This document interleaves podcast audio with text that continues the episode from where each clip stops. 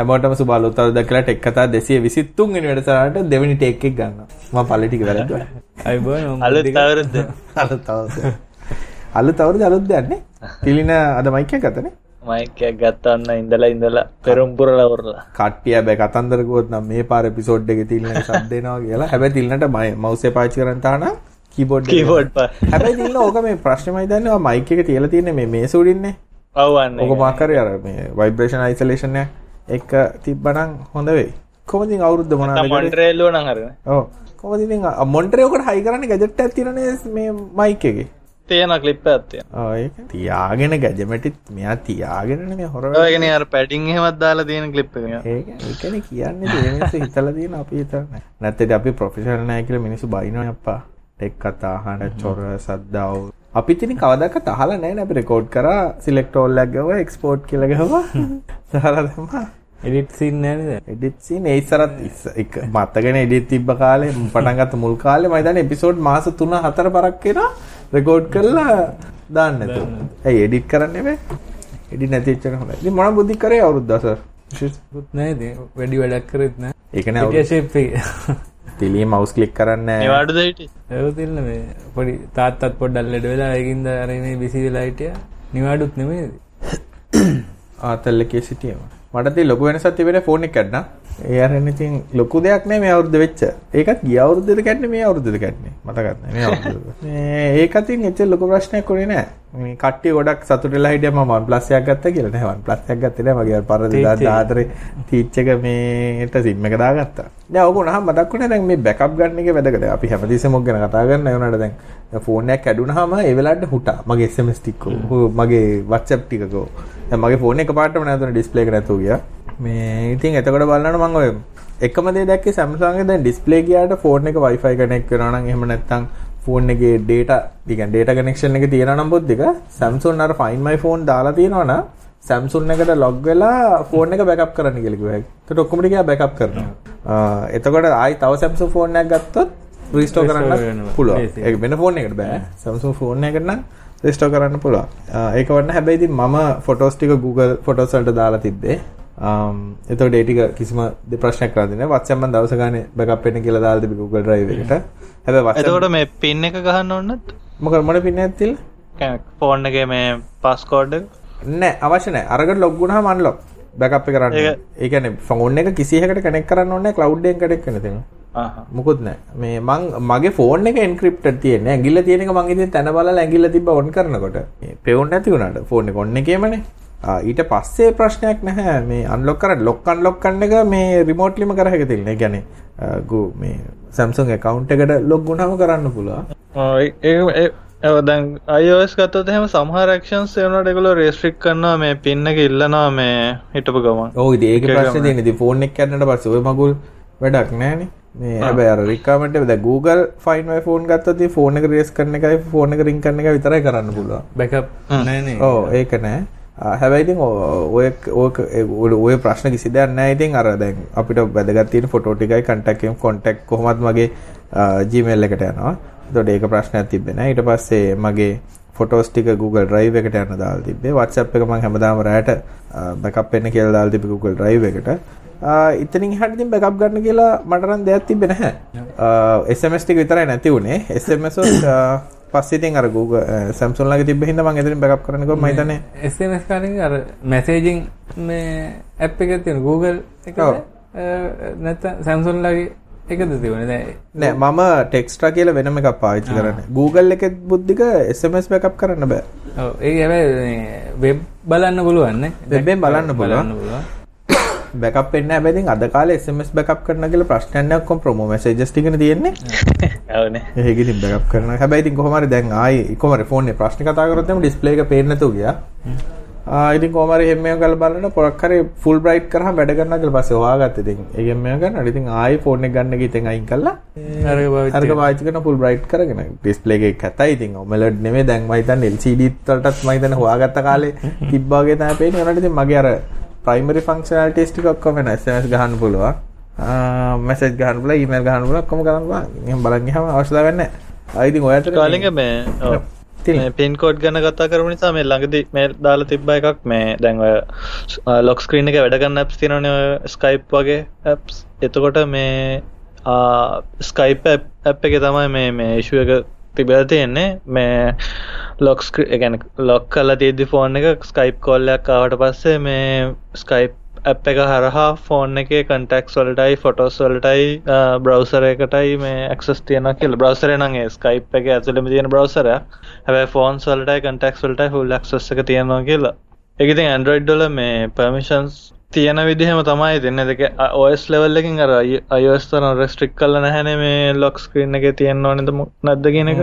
ඒ කරන්න පුළුවන් හැද ඒගැන ඔප්ෂන්ස් තිීන ඩිපෝල්ටෙන් සමාර විටර විදිහට වෙන්න ඒගැන ස්කයි පැප් එක එක ලොක් ස්ක්‍රීන් එකෙන් පිටි පස්ස නෙමේ දාල් තියන්න. හෙම. ප්‍රශ්නයක් තින් ඒක හැබැයිතින් එකතකින් එක ඔස් ලෙවල්ල ස්ට්‍රක්ෂන් තිබ්බනං හොඳයි කියලත් හිතෙනවා. මොකද අපිට ඩිවලපර්ස් ලෝටස් කරන්න බෑන මේ ඒක කරයිද නැද්ද කියන එතකම මේ බුද්ධකය අයිෆෝන් වල සෙල්සුත් මේ අවුරුද්ධ ගොඩක් අඩවෙලා කියලා මේ නිවස්සත් තිබ්බන. ඒකට මේ මහිතන්න එකන ලොකුම හේතු දෙකක් තම් දාලා තිබ්බය ගොද එකක් තමයි මේ අයිෝස් ටල් නිසා පරණ ෆෝන් ටිකක් එකැන පරණ ෆෝන් මේ ප්‍රහෝමන්ස් අයිෝස් ටල් වල හොඳකම නිසා මේ පරණ ෆෝන් මඟත නතර තිල්ල මඟකට විරුද්ධයි මෙච්චර කාලයක් ඇපල්ල කර කර හිටියේ ෆෝන් එක ඩිලිබරේටලි ස්ලෝ කර කර හිටියනේ. අයිස් නොකර හිටිය. හොඳ නෙවෙයි එක ස්ලෝ කරන නැත්වා මේ ඒත් එක්කම අර මේ එකොල් අර පාර ගැන අයිෆෝන්වල තිබ ලොකවුලක් නේ බැට්‍ර එක අප්සට්ටන එක. ඒක මේ මහිතනක ඩොල අසුවට තිබ්බ එක. දැන් ඩොල තිහට රැපයා ගන්නවා මේ ඇපල් ස්ටෝල අලුත් බැට්‍රියත් දාන එකත් එක්ක ලොකු හේතුවක් වෙනවා කියල තමයි ගොල්ල හිතන්න මේ සේල්ස් අඩුවෙච්චකට ඒත් මේ ඒගැන ඇද ඇන්ඩෝයිඩ්ඩොල තියෙන කම්පිටිෂන් එක හිද අඩුනාන මේ කියලද හිතන්න? වෙන්න ඕනනේ ඒ වෙන්නත් පුළුවන්. මේ වැඩි තියෙන දැන් එගොල්ලන්ගේ මේ බලන්ගේ හම චයිනිස් මාකට් එක එහෙම ගොඩක් මේ සෙල්ස් අඩුවෙලා කියල තම ආරංචේ තියෙන ගොඩක් බලපාන්න පුළුවන් මේ ඩොල එක වැඩි වෙන එකත්. ඩොල එක අනිත් මේ කරන්සිස්වල්ට අනු මේ ඇන්ඩරෝයිඩ්ඩලත් කම්පිටිෂන් එක වැඩි වෙන නේ දෙටික වැඩි නොගෙන් ඇත්තනම චයිනිස් මැනුෆෙක්චර්ස්ලා ෆෝන් නවස් කරන්න මාරක්මට ඒව අනිත්‍යද සැම්සුන් වලටත් ගොඩක් මේ තීරවන්නේ කනේ ද හවාවී ඔප් ඒ වගේ වගේ. ශාමි හොඳ ෆෝන්ස් ටිකුත්තින අරද ස්ලයිඩ් එක හැම තියෙන හොන්නක්කුත් ඇල්ල තිබ අපි මේ යනවද කාලිංග මේ ටොපික්ස් වලට? යමුණේ මඟත පොට ඩිස්ට්‍රක් කලා මේ අපි රේඩියෝ ලයිසන් ගන්න එකට යනන අපි. මොක දෙකරක නැමච රේඩියෝ මව කාල ඇතිසමට ටෙක් කතාලා තිස්සල මේ මේ කතාකරට කරන්න ඕනි කියල මේ පරණං තීරණයම කලා කරනවාමයි කෝහරිගන්න වේ අනිවාරය මං හතලියට කලින් ඕ මේ ඇමත රඩියෝ ලයිසනයක් ගන්නවා කියලා මේ මං ගත්තර පස්සේ කට්ටියට කියන්න කොහොමද කරන්න ඕන කොහොමද වෙන්න ගත්තර පස්සේ ගන්න කියන ප්‍රොසෙස් එක ගියාට පස්සේ ගත්ත කියලා කියන්නේ මේ ලයිසන් එක ඒ විභාගේ පාස් වෙන්න බෑ. ඒ හැකියාව තියනවද නැද්ද කියලා කියන්න බෑ. මං ඊට අමතරව වෙන්න ඕන විස්තර ටික කියන්න. ඒ ප්‍රොසෙස් එක අර ඒක හොයාගන්නත් අමාරු වෙන විස්තර දන්න කීප දෙනා ඉන්නේ වගේ කාට හරි කැමති නම් ඉගෙන ගන්න හරි දැනගන්න හරි අපිට පුළුවන් ඒ සම්බන්ධ ඉන්න කෙනෙක්ව සම්බන්ධ කරගන්න වෙනම තනිකර එපිසෝඩ්යක් කරන්න. ගැන ගැන ඉගෙන ගන්න අවශ්‍ය ආසාවත් දැනගන්න මොන හරි තියෙනවා මේ ඒක තමයි මේ දවස්වල ඩිස්ට්‍රැක්ෂන් එක. ඒක මේ අතර WhatsApp message ගහ ඉන්නවා. තව මේ නිවස් එකක් තියුණා නේ. GitHub අර වෙනස් කරලා කියලා මේ ඩොටට මාරු කරලා? අන්ලිමිටඩ් රෙපෝස් දෙන ප්‍රයිවට් රෙපෝස් දෙනවා කියලා මේ ෆ්‍රී යසස්ලට ඒත් අර මේ අන්ලිමිටද යස ලිමිට තියෙන ලිමිට් එක තියෙනවා. ගැන නම්බ රෙපෝස් අන්ලිමිට හැබැයි යෝස තුන්න ප්‍රීනස් කරනයට නම් තිලින එහෙම ගත්තොත් එහෙම මේ බිට් බකට් එකේ පහක් පුළුවන්නේ රෙපෝ බිට පහප අන්ලිමිටඩ් ඔයනට කමියනිට එක ඉන්න ගොඩක් මේගේ ටබ් එකනේ. ඒ චාන්සක තියෙනවාට තමන් ප්‍රයිවට් කරන ති කමිටිය අදාල ඇත්තන්න නේදිල එක ප්‍රයිවට් කරන්න කරන්න කමිට කියන අදාල නෑ. අන ඇති අනිත්‍යවයි ෆෝක් කල්ල ගන්න පුලන් හරි ඒ ගත්ත එක එහෙම කරනවා නම් හැබැයි බිඩ් බකට් එකත් එක ෆෝක් කරන්න පුළුවන්න්නේද මේ ගිට හබ්බේවා මෙහමයිද රැපෝ එකක් ඕන එකට තමන්ගේ දාගන්න දාලා අප්ලෝඩ් කරගත්ත හැගෙන එහෙම කරන්න පුලා ඒද අරක ෆෝක් කරට පස්ස ඒ ඇතුලිම අරග අප්ඩේට් ටිකොක්කොම වෙනවන ඕනේ. හැබැයිති ඕන්න ඉති පොඩි ස්ක්‍රප් එකක් ලියලා මේ ගන්න පුළුවන් ඉතින්. සොරි ඩීටේල් කරාට මේ මොනවද කතා කරන්නේ සීම කාලෙන් පර්සනලි මං ඉතින් පර්සනලි මං මේ GitHub ඉන්ටර්ෆේස් එකට කැමති බිට් බගට් එකට වඩා හැබැයි සමහර ෆීචර්ස් තියෙනවා බිට් බගට් එකේ GitHub එකට වඩා හොඳ ඒ වුණාට මේ පර්සනලි GitHub එකේ තියෙන ඉන්ටර්ෆේස් එකයි ඔය pull request flow කරන ඉතින් කැමති අනිත් එක. ඒකයි බිට් බකට් එක ඇබ ඩිවලොප් වෙනවනේ ඉක්මට මොනවා හරි මාසකට ඒකට ඔව්. ගිට්ටබ්බල එහෙම ලොකු චේන්ජස් වෙන්නේ ටොපික්ස් වලට යමුද? ඔව්. ටොපික් එක දැන් තිල්නට බුද්ධිකට ටිකක් කළා මයි ඩිස්ට්‍රැක්ෂන් නැත්තේ කතා කරන්න බෑ ටොපික් එකක් තියෙනවා. මේ දැන් මට අපේ වැඩිම වොට් තියන්නේ මේ පරණ කතා කරපු ඒක තමයි ඩොක ගැන කතා කරන්න කලිනුත් ඇයි මේ ඩොක පාවිච්චි කරන්න ඕන කියලා ඕක ගත්තත් එහෙම ඉතින් අපිට පැති දෙකකින් බලන්න පුළුවන් බුද්ධි ගෑ නේද? ඒ කියන්නේ මේ ප්‍රොඩක්ෂන් පැත්තෙනොයි ඩෙවලොප්මන්ට් පැත්තෙනොයි. ආ මෙහෙමයිද සමහර කට්ටිය දෙකමයි පාවිච්චි කරනවා. ඩොකර් ප්‍රොඩක්ෂන් පාවිච්චි කරනවා, ඩොකර් ඩෙවලොප්මන්ට් පාවිච්චි කරනවා. ඩෙවලොප්මන්ට් පැත්තෙන් ගත්තොත් එහෙම ඩොකර්ස් කියන එක සිම්ප්ලි ගත්තොත් ඇයි පාවිච්චි කරන්න කියලා ඉතින් ආ, මෙහෙම හිතන්න පුළුවන් අපිට. ඒ කියන්නේ දැන් ගොඩ කාලෙක ඉඳන් අපි එක එක virtualization දේවල් අපේ මේ ඩිවලොප්මන්ට් එන්වයරන්මන්ට් එක පාවිච්චි කරන එක virtual server එකක් කරන්න පුළුවන්. vagrant මේ normal VM එකක් කරන්න පුළුවන් නැත්නම් vagrant machine එකක් කරන්න පුළුවන් ඒ වගේ දේවල්. දැන් docker ඇවිල්ලා තියෙන්නේ docker එකේ තියෙන්නේ simple linux kernel එකක්.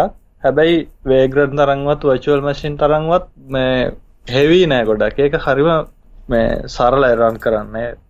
අච්චර resources ගොඩක් යන්නේ දැන් සාමාන්‍යයෙන් virtual machine එකක් කම්පියුටර් එක රන් කරොත් එහෙම දන්නවා කට්ටිය පාවිච්චි කරලා මේ ඒකට ගොඩක් resources යනවනේ. මේ බුද්ධිකයාගේ experience එක කොහොමද virtual machines සහ මේ ඔවුද? ඒක එකම වෙන වර්චුවල් මැසින් එකට මේ රැම් යනවනේ. ඔව්. ඔව්. ඩොක වගේ ගත්ත අනිත් එක දැන් ඒ කන්සෙප්ට එකත් ටිකක් වෙනස්නේ වර්ජුවල් මැසින් එක කියන්නේ දැන් අපි රන් කරනකොට හොස්ටෝස් එකක් තියෙනවා. ඒකේ ඔව්. OS එකක් ඇවිල්ලා ඒක මේ වර්ජුවලයිසේෂන් කියන කන්සෙප්ට් එක උඩම යන්නේ. දැන් මේ ඔය කන්ටේනර් සර්විස් එකක් ආවම එහෙම නෙවෙයි සෑහෙන්න දැන් වර්චුවල් මැෂින් එක ෂෙයාර්ඩ් ඒවා මේ අඩුයි හොස්ට් OS එකත් එක්ක. මොකද ඒක ඒක ඒ කන්ටේනර් එක ඇතුළේම වෙනම OS එකක් රන් වෙනවනේ දැන්. ඩොක වෙනකොට එහෙම නෙමෙයි ඒකෙදි මේ දැන් හොස්ට් OS එකේ තියෙන කන්ටේනර් එකක් විතරක් හින්දා ගොඩාක් ෂෙයා ඒවා තියෙනවා ඒකින්ද තමයි ලයිට් වෙයිට් විදිහට වැඩ කරන්න පුළුවන් ඒකට ඔව් ඒත් එතකොට Windows Mac වලට යද්දී ඉතින් සමහර විට ඒක මේ Linux තරම් performant වෙන්නේ නැති වෙන්න පුළුවන්. ඒ වුණත් මේ virtual machines ගොඩක් රන් කරනවට වඩා Docker ඕන තරමක් රන් කරන එක ගොඩක් මේ fast කියලා තේරෙනවා මේ අපි පාවිච්චි කරද්දී. එතකොට එහෙම ගත්තොත් එහෙම දැන් ඇයි එක- පාවිච්චි කරන්නේ? කියන එක කියන එක් දැන් මොක්හරි දැන් අපි ප්‍රොජෙක්ටක් පටන් ගත්තාම අ, දැන් තනියෙන් කරන ප්‍රොජෙක්ටයක් වගේ නෙමෙයි ටීම් එකක් එක්ක ප්‍රොජෙක්ටයක් කරද්දී අපිට තියෙනවා ප්‍රශ්න කීපයක් මුලින්ම විසඳ ගන්න මොකද මේ හැමෝගෙම කම්පියුටර්ස් වල කොහොමද හරියටම තමන්ගේ එන්වයරන්මන්ට් එක හරි නැත්නම් සර්වර් එකේ තියෙන එන්වයරන්මන්ට් එක හරි හදාගන්න කියලා. නැත්නම් අලුතෙන් කවුරු හරි ටීම් එකකට ජොයින් වුණාට පස්සේ කොහොමද වැඩ කරන්න පටන් ගන්න කියලා. මොකද දැන් අපි පරණ මෙතඩ් ගත්තොත් එහෙම අපි පටන් ගත්ත කාලේ වගේ මෙතඩ් ගත්තොත් එහෙම තියෙන්නේ අපි ලෑම් ස්ටැක් එක දාගන්න ඕනේ අවශ්‍ය ඔක්කොම ඩිපෙන්ඩන්සිස් දාගන්න ඕනේ. ඒ වගේ සාමාන්‍යයෙන් දවස් දෙකක් යන ප්‍රොසෙස් එකක් තියෙනවානේ මේ වැඩේ පටන් ගන්න කලින් තමන්ගේ සිස්ටම් එක හදාගන්න. දැන් ඩොකර් වලින් ඕක විසඳනවා. ඩොකර් එක සෙටප් එකක් හදාගෙන තියෙනවා නම් ඒක ටක් ගාලා අපේ කම්පියුටර් එකට ඕක චුට්ටක් තිල්ලවන අතර ඕක ඩොක වෙන්න අවශ්‍යත් නෑ කන්සෙප්ට් අපිට ඕන නම් VMware පාවිච්චි කරන්න පුළුවන්. එහෙම නැත්නම් virtual box එකේ free එකක් පාවිච්චි කරන්න පුළුවන්. එහෙමත් කරන්න පුළුවන්. හැබැයි ඩොකර් එක ඊට වඩා flexible විදිහට හදලා දෙනවා development වලට එනකොට. ලොක්කම chance එක තමයි අනිත් ඒවාත් අ, මේ resources අඩු ප්‍රමාණයක්. ඔව් මේ අනිත් එක තියෙන දැන් ඔය ඔය අපි දැන් ඩිවලොප්මන්ට් පැත්තෙන් බැලුවාම මේ ඒකයි අ- අර අර අනිත් එක මේ ඒකේ මේ තිල්න කිව්වේ ඉක්මනට පාවිච්චි කරන්න පුළුවන් ඒකනේ. ඒ කියන්නේ අපි අර මුළු එන්වයරන්මන්ට් එකම සෙටප් කරගන්න නැතුව සාමාන්‍යයෙන් ඩොකර් මේ කන්ටේනර් එකක් ඉන්ස්ටෝල් කරගන්න යන්නේ එක කමාන්ඩ් එකෙන් ඔක්කොම ටූල් චේන් එකම සෙටප් කරගන්න පුළුවන්. ඊළඟට මේ ඒක මේ එතකොට අනිත් එක තමයි මේ හොස්ටෝස් එකත් එක්ක වෙනස් වෙනවනේ. දැන් ඩිවලොප්මන්ට් එන්වයරන්මන්ට් එක සමහර ලයිබ්‍රීස් කම්පයිල සේවා තියාගන්න බෑ. ඒ වගේ ඔය ගැන අපි අපි අප මගේ කම්පියුටර එක ලිනක්ස් නම් මං හරි ඩොක්කො මට සෙටප් කරගන්න පුළුවන්. ඒනට කවර වින්ඩෝස් වල ඩෙවලොප්මන්ට් කරන කෙනෙක් කාට පස්සේ ඕක සෙටප් කරන්න ගියාම දුකක් වෙනවා මේ හැම OS එකේ අප්ඩේට් එනකොට ඒවත් එක්කත් කම්පැටිබිලිටි ඉෂුස් වෙනවා. සම අපි හිතමු පරණ ප්‍රොජෙක්ට් එක පරණ ටූල් චේන් එක වැඩ කරනවා කියලා. මේ ඒක. ඒකත් මගේ අරගන්න පුළුවන් මේ ඩොක්කර් වලින්. ඒ ඒ ඩිවලොප්මන්ට් පැත්තට ගියාම දැන් ඕකේ ප්‍රොඩක්ෂන් වලදීත් ඔය වාසි ටිකම තියෙනවා ඉතින් නේද? ඒට අමතරව ඩිවලොප්මන්ට් පැත්ත ගත්තහම අපිට පුළුවන් ටක් ගාලා ඒ කියන්නේ දැන් හිතන්නකෝ අපි PHP 5.3 වල තමයි ඇප්ලිකේෂන් එක මේ කලින් හදලා තිබ්බේ. දැන් 7.1 අපි try කරලා අපිට කෙරින්ම තියෙන්නේ මේ PHP 7.1 වෙනම isolate කරපු මේ docker environment එකක් අපිට මොකද මේ docker වල තියෙන ලොකුම කන්සෙප්ට් එක තමයි හැම එකම අයිසොලේට් කරන එක. ඩේටාබේස් එකේ තියෙන එක ජැක් ඊට පස්සේ අපි ගත්තොත් එහෙනම් MySQL එකක තියෙනවා ඊට පස්සේ PHP එක අපේ තව එකක තියෙනවා Nginx setup එක තව එකක තියෙනවා. ඒක නිසා මේ ඔක්කොම වැඩ කරන්නේ එකකට එකක් ඉන්ඩිපෙන්ඩන්ට්. දැන් අපිට එකක් අප්ඩේට් කරන්න ඕන නම් අපිට අනිත් ඒවා ගැන හිතන්න දෙයක් නැහැ. අපිට කැමති එක ගැලෙව්වා දැම්මා නිකන් මේ බිල්ඩින් බ්ලොක්ස් වගේ සෙට් කරගන්න පුළුවන්. ඒක ලොකු chance එකක්. දැන් මේ ඩොකර් අරෝමය කියන බුද්ධි කැල තම අවුරුදු දෙකක් තුනක් විතරනේ. දැන් මම මීට අවුරුදු ඉස්සර අපේ කලින් ඔෆිසේ ප්‍රශ්න දෙව බුද්ධිගත ඉස්සර දන්නේ නැති ප්‍රොජෙක්ට් එකක් ආවත් ඒකට ප්‍රොජෙක්ට් එක වෙනම අයිසොලේට් කරලා වෙනම පැත්තක් හදලා ඒ ප්‍රොජෙක්ට් එක දුවන්නේ ඒ පැත්ත විතරයි. ඒ කියන්නේ ඔව් ඊමේල් ඉදම්ම වෙනම හදනවා. එතකොට දැන් ඒ කාලේ අපි ඇත්තටම කරේ ওই වගේම ඒ කියන්නේ ওই වගේම concept එකක් තමයි බුද්ධික අපි කරන්නේ ඔය දැන් EXI ලා මේ VMware ලාගේ තියෙන EXI server කියලා එකක් free version එකක් තියෙනවා. අපි කරන්නේ තනිකර ෆිසිකල් මැෂින් එකක් කරගෙන අපි හදාගත්ත ඉමේජස් අපි වෙනම තියන් ඉන්න ප්‍රොජෙක්ට්ස් වලට අනුව. දැන් Docker images වගේ VMware images. ඒකට අර ප්‍රොජෙක්ට් එක හැම කරන්නේ EXI server එක දැම්මා. images ටික දැම්මා මේකේ අපේ එතකොට අවශ්‍ය කරන repo දුවන ඒවා ටික FTP දුවන ඒවා. එහෙම නැත්නම් email communication වල තියෙන development environments ටික. එහෙම කළා අපි අර දැන් Docker වල වෙන තමන්ගේ මැෂින් එකේනේ දුවන්නේ. අරග අපි කරන්නේ වෙනමම remote ඩිප්ලොයි කරන. එතකොට හැමෝම වැඩ කරන්නේ එකම තැනක ලොග් කරලා එකම මැෂින් එකේ එකම ටෙස්ට් එන්වයරන්මන්ට්. එතකොට අර මැනේජබිලිටි සහ අර රිසෝස් රික්වයර්මන්ට් හරියට මැනේජ් කරගන්න පුළුවන්. දැන් මැෂින් එහෙම ගත්තොත් අපි දැන් ඩොකර් දාන්න ගත්තොත් අපි මැෂින් 30ක් ඒ ප්‍රොජෙක්ට් එකේ ඉන්නවා නම් බුද්ධික 30 දෙනාටම RAM අප්ග්‍රේඩ් කරන්න ඕනේ. එතකොට 30 දෙනාටම රිසෝස් දෙන්න. එතකොට ඒගොල්ලෝ ප්‍රොජෙක්ට් 3 විතර වැඩ කරනවා නම් 4ක විතර වැඩ කරනවා නම් ඔය ඩොකර් ඉමේජස් 4 5 තියාගන්න. එතකොට දැන් ඔය SSD ප්‍රශ්නෙත් තියෙනවනේ තියලා දැන් හાર્ඩ් ඩ්‍රයිව් වල ඉඩ නැහැ. ඉමේජස් ගොඩක් තියාගෙන ඉන්න අමාරු. එතකොට ඒ වගේ අර සෙන්ට්‍රලයිස් කරලා උනත් ඔය මේ වැඩ කරන්න පුළුවන්. ඒ කියන්නේ මැනේජබල් කරන්න. එතකොට ඇත්තටම අර කම්පයිල් කරන ඒවා ගත්තත් අපිට පුළුවන් සර්වර් එකක් දාලා කම්පයිලේෂන් ඇත්තටම මේ ක්ලයන්ට්ගේ මැෂින් එකේ කියන්නේ යූ ඩෙවලොපර්ගේ මැෂින් එකේ කම්පයිල් වෙන්නේ නැහැ. ඇත්තටම කම්පයිලේෂන් එක වෙන්නේ සර්වර් එකේ. ඉතින් ඒ වගේ කරන්න ඩෙවලොප්මන්ට් පැත්ත ගත්තොත් එහෙම ඔය Docker virtualization ඒ වගේ ගොඩාක් මේ දේවල් කරන්න පුළුවන්. ඉතින් ඔය ඩොකර් විතරක් නෙවෙයි virtualization කියන හෝල් concept එකම මේ හරියට implementation එකක් කරොත් development කරන විදිය. එතකොට patch කරන ඒවා ඊට පස්සේ අර version control handle වෙන version control කියන්නේ මම කියන්නේ software එකේ version control නෙමෙයි අතරම development environmental version control libraries පාවිච්චි කරන ඒවා modules පාවිච්චි කරන ඩොකර් ඩොකර් උනත් ගත්තොත් එහෙම ඉතින් ඔය normal git repo එකක් වගේ අපිට version control කරගෙන යන්න පුළුවන්. යන්න පුළුවන් කරන අප්ඩේට්ස් මොනවද කියලා. මොකද ඒක මේ ගොඩක් වටිනවා එතකොට දැන් ටීම් එක ලොකු නම් තනියෙන් ඔක එච්චර බලපාන්නේ. හැබැයි එක ටීම් එකේ කවුරු හරි එක්කෙනෙක් කරපු චේන්ජ් එකක් අනිත් අයට කොහොමද ෂෙයා කරගන්නේ? වගේ දේවල් ඉතින් ඒතොට ලේසි. තව මොන හරි ඇඩ් කරන්න තියෙනවද ටික? බුද්ධිලා පර්සනල් එක්ස්පීරියන්ස් වල ඩොකර් පාවිච්චි කරනවද? මේ ඩොකර් ඇත්තටම මේ ප්‍රොඩක්ෂන්වල මේ ඩිප්ලොයිමන්ට් වලට හිමනම් පාවිච්චි කරේ නැහැ. හැබැයි මේ ඔය සමහර ඒවා try කරන්න ඕනාට පස්සේ එක එක ටෙක්නොලොජි අරම දැන් අපි ඔක්කොම ටික setup කරගන්න නැතුව අර වගේ tool chain එක දාගත්තා. එහෙම try කළා ඒව තමයි ගොඩක් වෙලාවට පාවිච්චි කරන්නේ. නැතුව මේ ඇත්තටම අපේ process එකට docker මේ adapt කරගෙන නැහැ. හැබැයි මොනවා හරි try කරන්න ඕන නම් Android වලත් සෑහෙන පාවිච්චි වෙන ඒවා තියෙනවා. මේ විදිහට. මම හිතන්නේ මේ docker වලට කතාව කට්ටිය එන්න මයින්න තව අවුරුදු දෙක තුනක්වත් අඩුම ගානේ ජය කියලා මට හිතෙනවා. මමන පර්සන්ලි හරි අකමැති.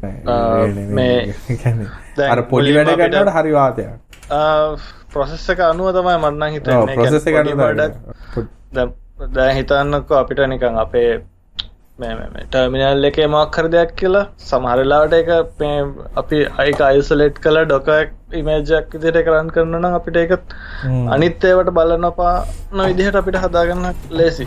කතක මං කියන්න ඩිවලප්මන්ට් කරන්න දැම සෙන්ටලයිස් කියන කලව් කියන තිරියට එන්නනක කලව් කියල ගැන මං. එක දැන් අපි හැමතැස්සම ලෝකලයිස් කරන ඩිවලප්මන් ලෝකලයිසේෂන් ඩිවලප්පන්න හැම එකම්ම වෙන්න. මම කියන්න දැ ඒක යන්නන කලව් කියනකට කලව් කියල ගැන්න ඇතරව දැන් එන්වාරමන්ට එක ගෙනියන්න ඕනේ ඩිවලප්පාගේ මසින් එකෙන් එලියට මගේ නම් ඒ කියන්නේ මම නම් හිතන්නේ ඒක තමයි මම හිතන්නේ ඉස්සරහට ඩෙවලොප්මන්ට් වල කරන්න පුළුවන් ලොකුම දේ මොකද මේ ID එක උනත් මං කියන්නේ ඇත්තටම ක්ලවුඩ් දුවනවා නම් හරිම මේ ලේසි වෙයි කියලා. ඒ කියන්නේ එතකොට අර ලෝකල් රිසෝසස් එතකොට දැන් මේ දැන් ඉස්සරහට එන Chromebook ගත්තාම low power devices ගත්තාම ඒ කියන්නේ ARM processor එක ආවහම මං හිතන්නේ ක්ලවුඩ් කරොත් අර බර්ඩන් එක ගොඩක් අයින් කරගන්න පුළුවන් නේද? ඔව් දැනුත් මේ එක ලෙවල් එකකට දැන් ඔය CI වගේ එකක් දැම්මට පස්සේ මේ බිල් ප්‍රසෙස එක එලියට දාගන්න පුළුවන්. ඒ වගේ ඒත් ඉතින් අර තාම අරල්ල වෙල්ල එකට මැවිල්ල නෑ. මංගේන එක ඩොක ඩොකවල්ටඩ මංහිතන්නේ ඒක වෙයි කියල් තමයි මටනං හිතෙන්නේ. කියන්නේ ලෝකලයිස් කරන එක හැමතිස්සම ආයි ආය ප්‍රශ්නයක් ඉද ඒකඉතින් කොයි ලෙවල්ලක ඉස්සරනං ඔය දැන් ඉස්සරනේ දැනුත් පුළන් ඕන්නන් ඔය දැන් කම්පනිවල හෙමර මේ ඩම් ටර්මිනල් කියලා පාවිච්චි කරන්නේ. ඩම් ටර්මිනල් පාවිච්චි කරන තියරියටම අපිට ඩෙවලොප්මන්ට් වලටත් ඕන ඩම් ටර්මිනල් පාවිච්චි කරන්න පුළුවන්. ඒ කියන්නේ Chromebook වගේ කියන්නේ CPU power නැතුව ඩෙස්ක්ටොප් එකක් විතරක් දැන් ඔය ස්ටීම් වල ගේම් ගහන්නේ අපි. ඇත්තටම එතකොට අපේ කම්පියුටර් එන්නේ නිකන් ඩෙස්ක්ටොප් එකක්. ඒ කියන්නේ වීඩියෝ ස්ට්‍රීමින් ඩිවයිස් එකක් වගේනේ. මේ VMware සොලියුෂන් එකක් තියෙනවද මා කරේ? ඇප්ලිකේෂන් ඒ වගේ වෙනම ෂෙයා කරන්න පුළුවන්. හැබැයි ඩොක ගත්තොත් ෆ්‍රී නේ.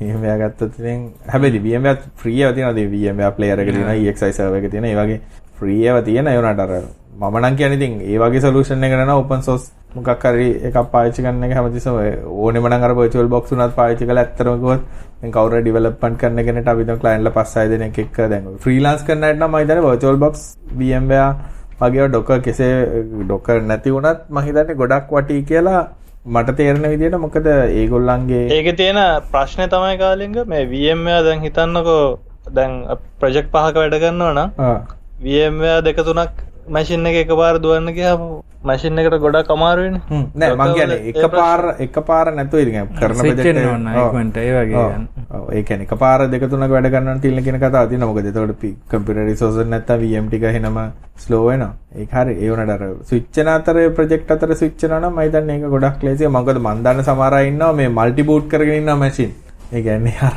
අර ප්‍රොජෙක්ට් එකට මේකට බූට් වෙනවා මේ ප්‍රොජෙක්ට් එකට අනිත් එකට බූට් වෙනවා. ලිනක්ස් වල වැඩ කරන්නේ මේකට බූට් වෙනවා. ඒ වගේ.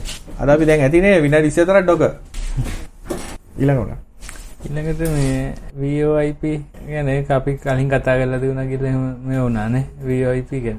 ඒ එපිසෝඩ් එක බලන්න.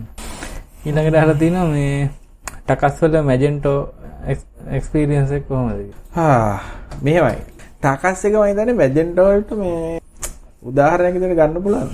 මොකද අපි මැජෙන්ටෝ වල කිසි දෙයක් කරන්නේ නැහැ. ඒක රෂ්‍ය කාලින්ග මේ මමත් වැඩ කරන්නේ දැන් මමත් මේ ආ තිල්ලට මට වඩා කියන්න පුළුවන් මම හිතන්නේ. මම වැඩ ගන්න තැනත් ගොඩක් මැජෙන්ටෝ ප්‍රොජෙක්ට්ස් කරනවා. හැබැයි මේ ඒ එක ක්ලයින්ට් කෙනෙක්වත් ඒක මම හිතන්නේ ලෝකෙ එකම ක්ලයින්ට් කෙනෙක්වත් මැජෙන්ටෝ විතරක් මැජෙන්ටෝ තියාගෙන ඉන්නේ බොහොම සුළු දෙයකට ඒගොල්ලන්ගේ ඔන්ලයින් ෂොප් එකේ.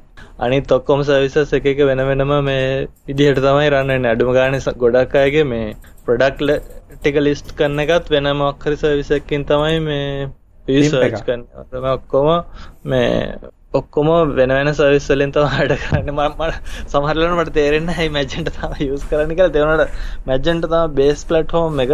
ඒ ඇරෙන්න වටේට ගොඩාක් එක එක වෙන වෙන සර්විසස් වලින් තමයි මේ ඔක්කොම දැන් යූසර් ෆ්ලෝ එක ගත්තොත් එහෙම මේ කස්ටමර් ජර්නි එක ගත්තොත් එහෙම මේ මැජෙන්ට වලට තියෙන ගොඩක් අඩු පර්සන්ටේජ් එකක් අනිත් ඒවා අනිත් ගොඩක් ලොකු වෙන වෙන සර්විසස් වලින් තමයි ඒක හැන්ඩල් කරන්නේ. ඒක නිසා මැජෙන්ට විතරක් එක්ස්පීරියන්ස් කියලා ගන්න අමාරුයි මට තේරෙන විදිහට නම්. ඔව් මටත් ඒක තමයි මට ඒකට උත්තරයක් දෙන්න. මම මැජෙන්ට විතරක් තනි කරගත්තොත් එහෙම ටකස් එක කාලයක් එහෙම දිව්වනේ. චොර කියලා තමයි කියන්නේ. ඒ කියන්නේ දැන් මම 2014 ටකස් එකට ජොයින් වෙනකොට ටකස් එකේ තිබ්බේ මැජෙන්ට විතරයි. එක්ස්පීරියන්ස් එක කොච්චර? මෙහෙමයි ඉතින් අර පොඩි ස්කේල් එකට කරනවා නම් මැජෙන්ට ඕකේ. දෙවනි ප්‍රශ්නය තමයි ඊකොමස් කියලා ලොකු වෙන ඕල්ටර්නේටිව්ස් නෑ දැන් ඕපන් කාඩ් තියෙනවා වූකොමස් තියෙනවා ඒ වුණාට ඒ වාරේ කම්ප්ලීට් සොලියුෂන් එකක් නැහැ. කම්ප්ලීට් සොලියුෂන් එකක් නැහැ. ඉතින් ඒක නිසා හැමෝම මැජෙන්ටෝ කියන එකට ඉතින් ගිහිල්ලා තියෙන අර ඉතින් හේ අවශ්‍යතාවය තිබ්බද නැද්ද කවන්නේ මැජෙන්ටෝ දාන ප්‍රශ්නිකුත් තියෙනවා. ඊකොමස් නම් මැජෙන්ටෝ තමයි කියලා තියෙනවා. ගැර. ඒ වුණාට මෙහෙමයි අපි ඔප්ටිමයිසේෂන් කරලා තියෙන විදිහ අරම කතා කරොත් එහෙම ඒක සාමාන්‍ය මිනිස්සුන්ට පාවිච්චි කරන්න බෑ. මොකද අපි දැනට කොමර්ෂලි තියෙන එක සොලියුෂන් එකක්වත් පාවිච්චි කරන්න බෑ. උදාහරණයක් ගත්තොත් මැජෙන්ටෝ දාන කට්ටිය කියන AWS ගත්තා ඉන්ස්ටන්ට් එකක් ගත්තා මැජෙන්ටෝ ඉන්ස්ටෝල් කරා ක්ලව් ෆ්‍රන්ට් ඉස්සරහට මාක් කරගත් දැම්ම. ඔයගේ ගන්නේ කරන්නේ. අපේ ටකස් දුවන්නේ බෑ මෙටල් සර්වර්ස් අපිම මැනේජ් කරලා අපිම සෙටප් කරගෙනනේ. ෆ්‍රන්ට් එන්ඩ් පැත්ත ගත්තොත් අපි මැජෙන්ටෝ ඇත්තටම පාවිච්චි කරන්නේ CMS එකක් විදිහට. CMS එකෙන් කන්ටෙන්ට් මැනේජ්මන්ට් සිස්ටම් එකක් විදිහට තමයි ටකස් එක දැන් තියෙන ස්ටේජ් එකේදී මැජෙන්ටෝ පාවිච්චි කරන්නේ. ඊළඟට දැන් ඔය දැන් ඔය ටකස් එකේ ස්පින් ඔෆ් වෙච්ච ප්‍රොඩක්ට් එකක් දැන් අපි ලොන්ච් කරලා තියෙනවා ටෙස්ට් කියලා. ටකස් e-commerce solution කියලා.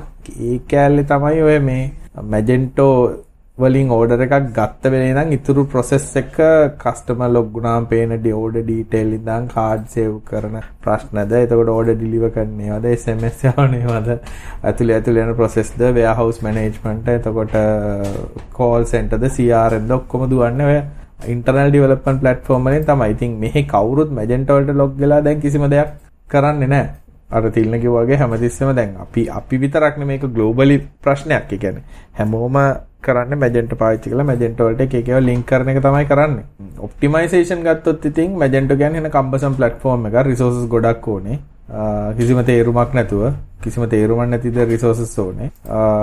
ලොකුයි. ඩෙවලොප්මන්ට් උත් ඉතින් පොඩි ලර්නින් කර්ව් එකක් තියෙනවා. ඔව්. අනික එහෙන බරයි. ඒ කියන්නේ Zen framework එකේ නෝක තියෙන්නේ. බරයි ඒ කියන්නේ මොන හරි හරියටම තේරුම් අරගෙන නැත්නම් ස්ට්‍රක්චර්ස් ඩේටාබේස් ඩේටාබේස් එක නම් මම හිතන්නේ කාටවත් තේරුම් ගන්න බෑනේ තියෙන්නේ ඒ A3 තුන විතර ගන්න ඕනේ. ඔව් රිලේෂන් එහෙම ඒ කියන්නේ අන්න ඒ වගේ හෙන්නමම ඒ කියන්නේ මං හිතන්නේ ඒක ඩිසයින් කරනකොට පර්ෆෝමන්ස් කියන එක ගැන හිතලවක්වත් නැහැ මම හිතන්නේ. ගොඩම් අර මේ ගැන ඒකට අර ප්ලග්ගින් යන්න එක එක්ස්ටෙන්ඩ් කරන ගැන තමයි මම හිතන්නේ ගොඩම් මේගොල්ලෝ හිතලා තියෙන්නේ මේ. ඒක ලේසි කරන් තමයි බලලා තියෙන ගොඩක්. ඒ කියන්නේ මේ ඒක එක්ස්ටෙන්ඩ් කරන විදිහ. ඒ කියන්නේ මැජෙන්ටෝ සොෆ්ට්වෙයාර් එක තව එක්ස්ටෙන්ඩ් කරලා තමන්ට අවශ්‍ය විදිහට කස්ටමයිස් කරන විදිහ ගැන ගොඩක් වැඩි ප්‍රසන්ටේජ් එකක් ඒගොල්ලෝ මේ බර දාලා තියෙන්නේ මේ පැත්තට තමයි. ඔය ඉතින් මට තේරෙන්නේ කට්ටියක කියන්නේ මේ කට්ටිය දැන් මගෙන් උපදෙස් ගන්න සිංගල් e-commerce site එකක් දාලා Magento එකට install කරලා e-commerce රන් වෙන එක නේ. මම හිතන්නේ හොඳම solution එක Magento පාවිච්චි කරනවා නම් මේ ටකස් එකේ අනිත් e-commerce solution එකක් ගත්තා නම් මම හිතන්නේ ඒක ගන්න බෑනේ. Magento එක. නෑ මෙහෙමයි. එහෙම sales pitch එක නෙමෙයි ඇත්තටම ගත්තොත් එහෙම දැන් දවසට orders පහක් හයක් දැන් අපි දසුන් ගමුකෝ. දසුන් දසුනුත් ඒකට ඉතින් දැන් නම් ගන්න අමාරුයි. හැබැයි දසුන් කියන්නේ අපේ grantha.lk. දසුන් දුවන්නේ මැජෙන්ටෝනේ.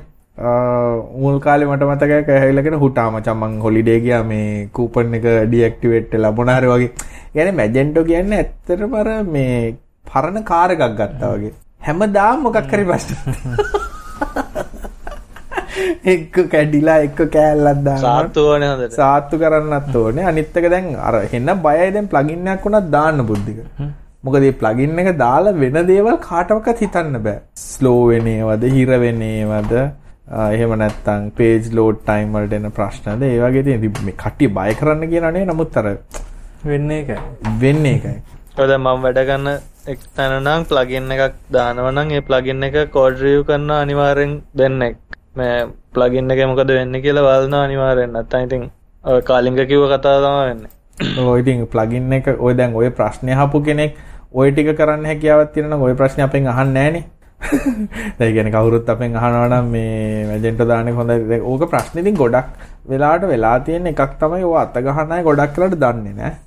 ගැ පොඩ්ඩක් දැනගෙන තමයි පොඩි චේන්ජස් ඔය ප්ලගින් ලියන අය සමහරවිට හරියට රික්වයර්මන්ට් තේරුම් අරගෙන සමහරවිට අපි දැකලා තියෙනවා මේ එක ඩේටාබේස් ක්වෙරි එකක් වුණත් බුද්ධික මේ පොඩ්ඩක් හරි හෙට මෙහෙට වුණත් performance impact එක එන ලොකුයි. දැන් උදාහරණයක් කියනකො මැජෙන්ටෝ පටන් ගත්තම දවස්වල ඒක ටකස් එකට ආපු කාලේ මාත් මැජෙන්ටෝ හරියට දන්නේ නැහැ. හරි?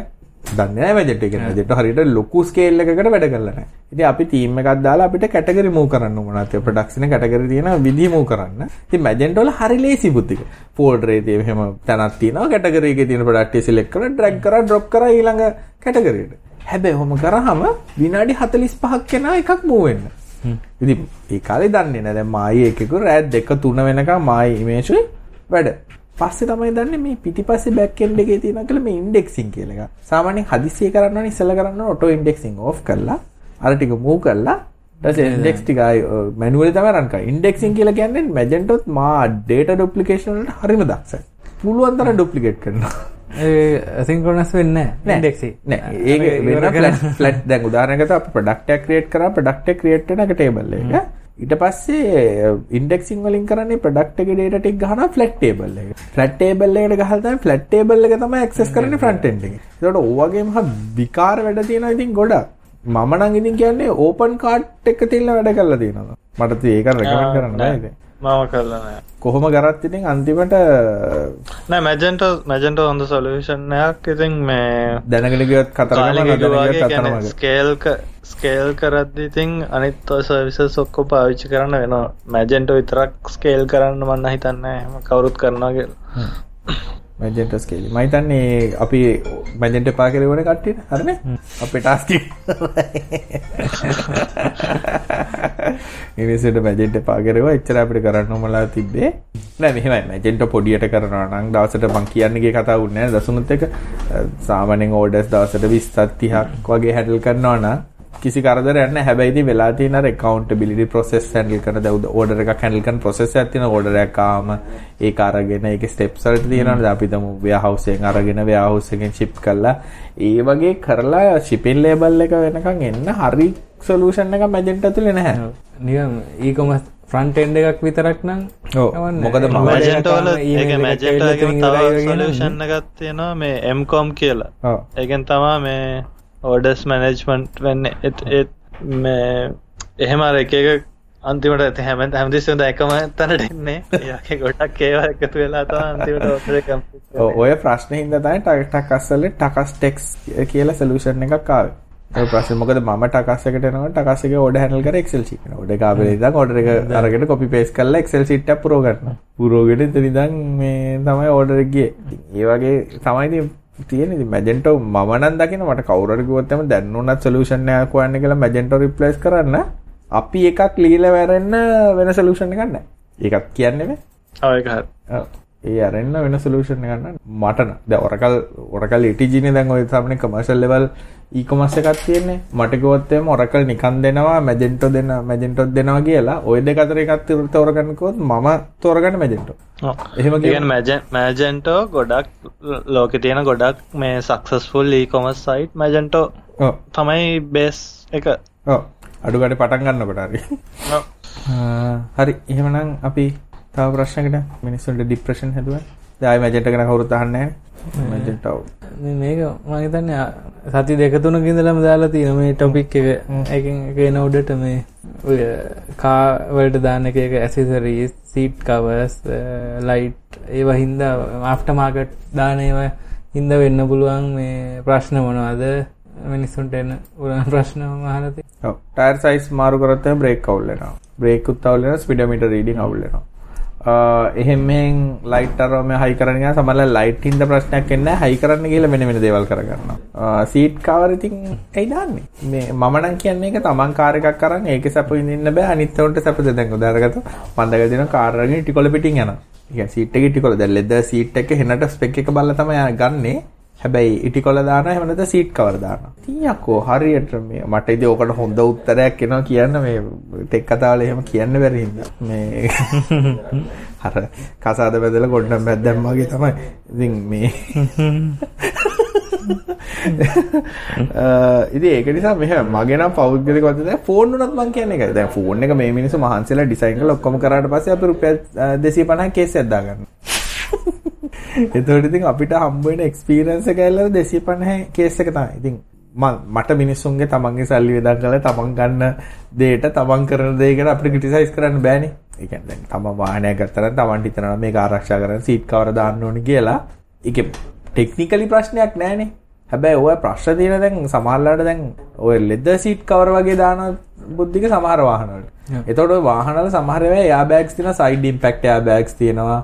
ඒ වගේ දේවල් තියෙනවා. ඉතින් එතකොට වෙන්නේ සමහරලාට මේ මොකද ඩිසයින් එකේ හදලා තියෙන්නේ සීට් එකේ සයිඩ් ඉම්පැක්ට් එයා බෑග් එක ගාන්ට ඩිප්ලොයි වෙන්න පුළුවන් විදිහට තමයි ඒගොල්ලෝ ඔරිජිනල් සීට් එක හදලා දෙන්නේ. හැබැයි ඕකට අපි කවර් එකක් දාලා ඒවා කරාම සමහරවිට අර මේ එයා බෑග් එක ඩිප්ලොයි වෙන එක මේට බාධාවක් වෙන්න පුළුවන්.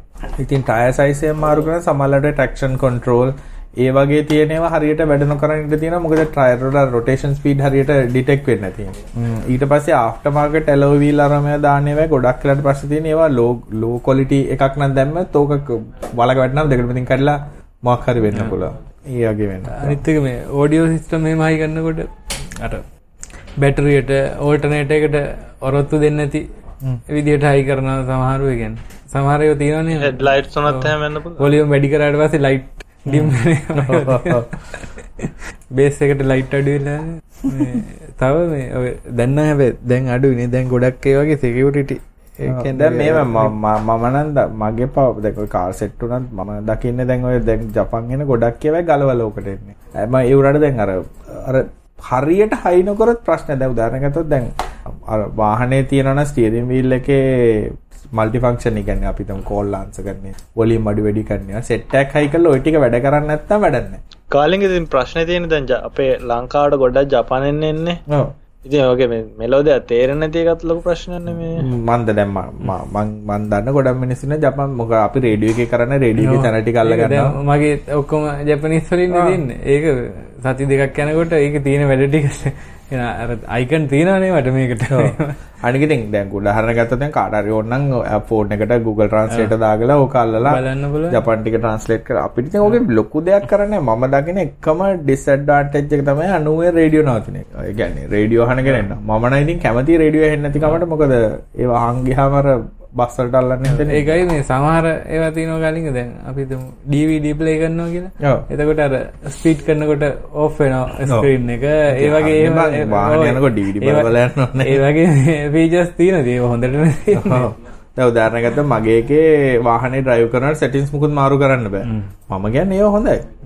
එක ඩිසේබල් touch- කිලෝමීටර් 5කට අඩු ඔව්. ඒ Speed වගේ එක ඒවා කිලෝමීටර් ඒවා පහකට ඉතින් අඩු. තමන්ගේ ආරක්ෂාවට කෙසේ වෙතත් අනිත් මිනිස්සුගේ ආරක්ෂාවටත් එක්කනේ හදලා තියෙන්නේ. ඉතින් ඒක නිසා ඒවා වරදක් දකින්න. ඉතින් මොඩිෆිකේෂන් කියන ඒවා අනේ මන්ද තව මේ ඔය කාලින්ග ඔය ගොඩක් වෙන ඉන්දියන් වාහන වලට මේ පස්සේ ගෙනහැල්ලා සිකියුරිටි සිස්ටම් අය කරනවානේ අර රිමෝට් ලොක් කරා මේ අය කරන. ඔව් ඒ වගේත් මම දැකලා තියෙනවා මේ සමහරුන්ගේ ප්‍රශ්න තියෙනවා මේ සමහර ඉලෙක්ට්‍රිකල් ප්‍රශ්න ඇවිල්ලා කියන්නේ ඒ ඉන්ස්ටෝලේෂන් වල අවුල් තමයි. හොයාගන්න බැරිව තියෙනවා. මේ මොකද අර සෙන්සර් ටැප් කරනවා ඒවා මේවා කරනවානේ මේ වයර් වල මොඩිෆිකේෂන් කරනවානේ. දැන් ඔය ඔය කතාවක ඕක ඇත්තට වෙලා තියෙන්නේ මේ මොඩිෆිකේෂන් එකේ වරදක් නෙමෙයි ගොඩාක් වෙලාට එන්නේ ආෆ්ටර් මාකට් එක ගැන මොඩිෆිකේෂන් කරන එක ආගේ. ටෙක්නීෂියන්ගේ අවුල් ඔව්. තමයි දැන් දැන් ඔය- ඔය වගේ උදාහරණ මට ගොඩක් තියෙනවා. මම මං හරි කම්මැලියෙක්නේ. සාමාන්‍යයෙන් ඒක නිසා මං ගොඩක් කරලා දැන් දැන් ඉස්සර නම් තමන් කරගන්න සල්ලි නැති හින්දා දැන් කම්මැලිකම් වැඩි හින්දා කාට හරි ගිහලා කරගන්නවා. ම- මගේ පරණ කාර් එක මට ඇම්ප් එකක් හයි කරන්න ඕම නැතේ ඒකට මං ගෙනල්ලා තිබ්බ ගාන්ට ඒ- ඒකට අයි කියන්නේ හොඳ කම්පැනි වලින් හදනවනේ බුද්ධික ඒ කියන්නේ කාර් එකේ මොඩල් එක දුන්නාම වයර් එකේ දිගට කනෙක්ට් කරන්න ඕන තැනට හරියන්න වයර් ඩිස්ටන්ස් හදලා වයර් හදලා RC කේබල් එකේ ඉඳන් ඔක්කොම කිට් එක මං ගෙනාවා. දැන් ගෙනල්ලා ගොඩක් කල් තියෙනවට කරන් දැන් නැති කවට මං කරපැඩේ ගෙවල් ළඟ තියෙන කාර් සෙට් එක එක්කනට ගිහලා කිව්වා අයියේ මේ මේ ටික මට දැන් හයි කරගන්න ඕනේ. හයි කරමු කියලා. ඒකට ඇම්ප්ලිෆයර් එකට හැම වෙන පවර් කේබල් වල ගානට අර මේ ලග්ස් දාලා ඔක්කොම කරලා හයි කරලා තිබ්බේ. මම එහා පැත්ත හැරලා මෙහා පැත්ත බලනකොට කොල්ල ලග් දෙක කපලා. මේ ඕන්නේ නිකන් මම මේ ම- මේ ඕනේ මේ මං හැමයි මල්ලි කැපුවේ. නෑ මේ බැටරි ඇසිඩ් බැඳෙනවනේ මේ ලග් දැම්මා. අයියෝ ඉතින් හිතන්නකො මොක මට තේරෙන්නේ ඔගේ මොන ලොජික් එකේ කොයි කොහේ විදියට ඇවිල්ලා අන්න ඒකයි. ඒ කියන්නේ හැමදෙස්සම දැන් ඔය කියන්නේ මිනිස්සුන්ගේ අර දැනුම හරිම මේ කෝට කියන්න නෑ අප්පා. ඒ කියන්නේ හැමතිස්සෙම මන් දකින්නේ මම දැන් හරිම බය වාහනයක් හදන්න දෙන්න. මොනවා කරයිද දන්නේ සිරහා වැඩේ ගැන ලෙඩක් තිබ්බොත් මද අපේ වයිෆ් එහෙම AC එක සර්විස් කරන්න එනවා කියලා කිව්වම එන්න බය. අදිනවා. දැන් ඉතින් ඉරාට AC එක වැඩ කරන්නේ. ඉතින් ඒ කතාවේ බොරුවකුත් නෑ. මොකක් හරි කළා තමයි යන්නේ. අඩු ගන්න දෙවනි දවසේ ඇවිල්ලා කරන්න දෙයක් ඉතුරු කළාම යනවා. දැන් එක්ක ඇන නෑ. දැන් උදාහරණයක් සෙන්සර් අර එහෙම දාන අර කස්සගෙත් තුනේ එකපාර. ඉතින් ඒ හරිම ඒක තමයි දැන් අපේ අපි ටකස්සලා මගේ ඉන්න තැන LC එක තියෙනවා බ්‍රෑන්ඩ් නිව් හයි කරේ හයි කරපු දායි නම් මේ වෙනකන් හරියට වැඩ කරලා නැහැ. එක වතුර බේර ඒ මැදට ඒක දැන් අර රිටෙන්ෂන් ප්ලාස්ටික් ක්ලිප් එකත් කඩලා තියෙන්නේ. එච්චරට අන්න ඒකයි කියන්නේ. කියන්න දෙයක් නෑ. දැන් උදාහරණකට මේ ළඟදී අකුණක් ගහලා මම මේ කිව්වත් දන්නේ නැහැ. අකුණක් අකුණු ගැහුවනේ මේ ළඟදී මම හිතන්නේ දෙසැම්බර් දැන් ජනවාරි වලට කලින් අකුණු ගැහුවනේ. දැන් ජනවාරි පස්සේ කොහමද අකුණු ගැහුවා. අකුණු ගහලා අපේ ගේට් එක ගාව තියෙන CCTV කැමරා එක පේන්නේ නැතුව ගියා. ඉතින් මම බේසික් ඩයග්නොස්ටික් කරා මේ ගිහලා CCTV කැමරා එක ගාවට බැලුවා කරන්ට් එක යනවාද කියලා. එතන කරන්ට් එක නෑ. මම බැලුවා අනිත් පැත්තේ කොනේ කරන්ට් එක යනවාද කියලා. එතනින් කරන්ට් එක යනවා. මම ඉතින් එක එක කතා කරලා කිව්වා CCTV කරන එක මෙහෙම අපේ ගෙදර ෆ්‍රන්ට් කැමරා එක වැඩ කරන්නේ නැහැ. මේ පවර් යන්නේ නැහැ එතෙන්ට. පවර් සප්ලයි එක ඕකේ. මම පවර් සප්ලයි එක චෙක් කරා. ආවා.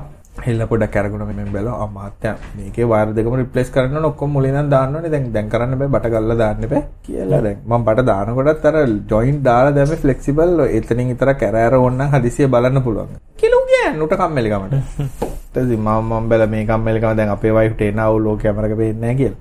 ඊට පස්සේ කරපැඩේ මං කරපැඩේ ඉතින් පැත්තකින් ඉඳන් කරපැඩේ මේ කරන්ට් එක ඕෆ් කරලා මල්ටිමීටර් එකක් අරගෙන එහා පැත්තේ ගොන ෂෝට් කරලා මං පොඩි කට්ටක් අරගෙන තැන් ඔය 3 4කින් ඇල්ල බැල බලන්න එක තැනකට එන්නේ නැහැ.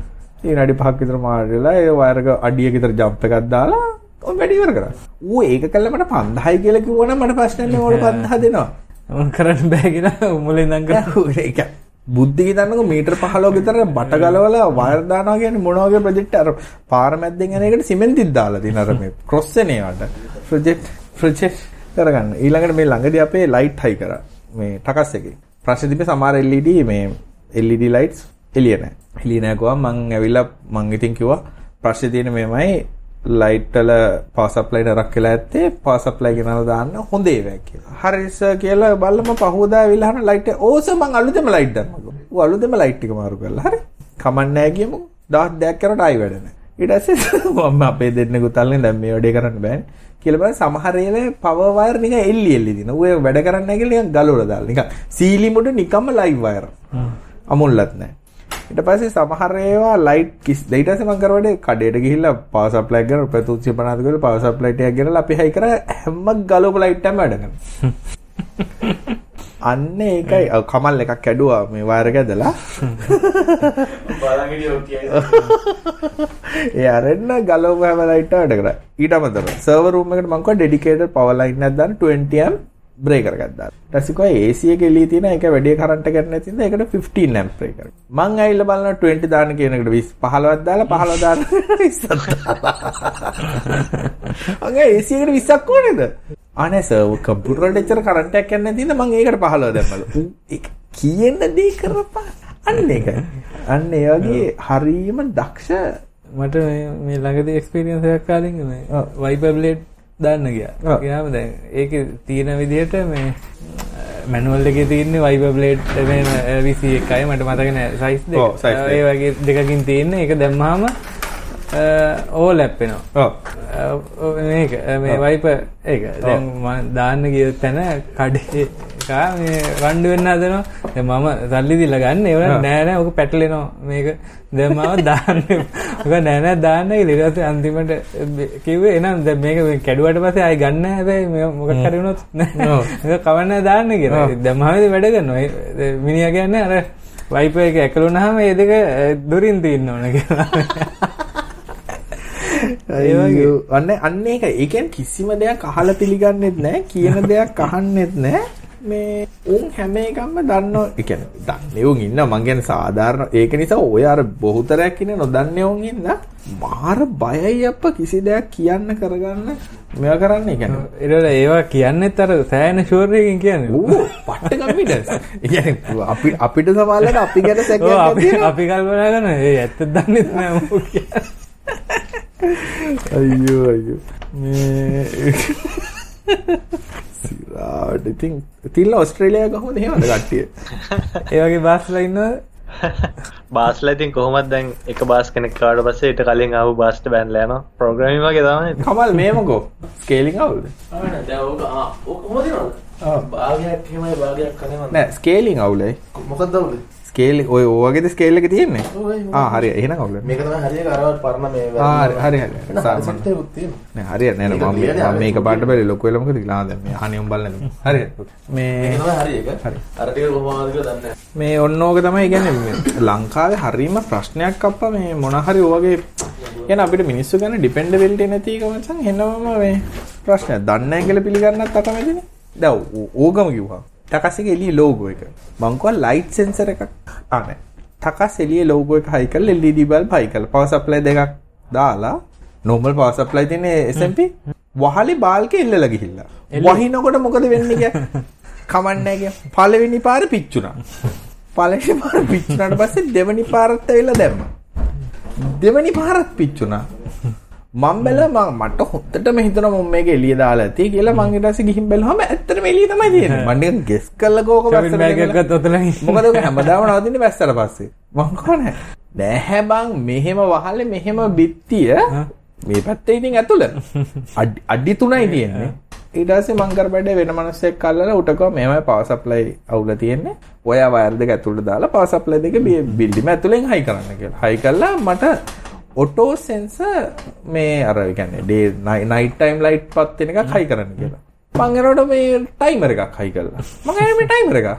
නෑ මට ටයිමර් එක හොඳයිනේ. මං කොහෙද බැස් වෙලාට කරවල වුණා. ටයිමර් එක කොහොමද කියලා. අය ඌ ඒක ඉතින් තියලා ගියා. නෑ ඔය ඔය ටයිමර්ස් වලත් අර නිකන් අර ක්ලොක් එක තියෙන එන වෙනස් වෙන එක නෝක සමහර දවසට විනාඩියක් විතර වෙන්නේවා තියෙනවා.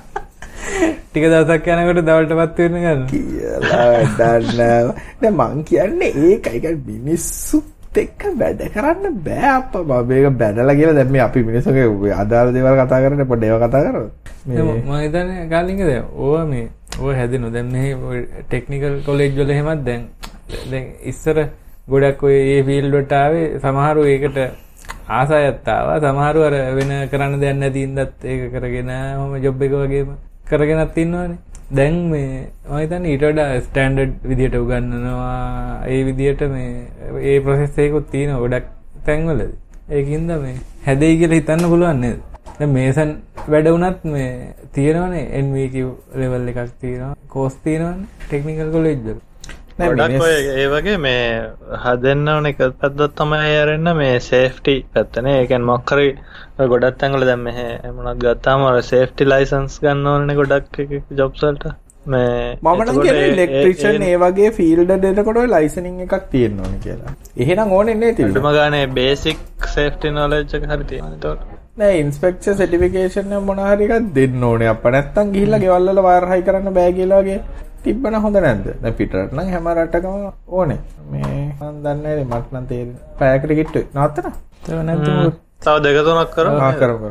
මේ අර මේ ෆ්ලටර්වස් රියක් නේටිව් හලා තිනවා අපි ඔෆිස් එකෙත් මේ දවස්වල ඇත්තටම ඉවලුවේට් කරන ඔය දෙක මට අපි ගිය සතියේත් කතා කරන්නේ.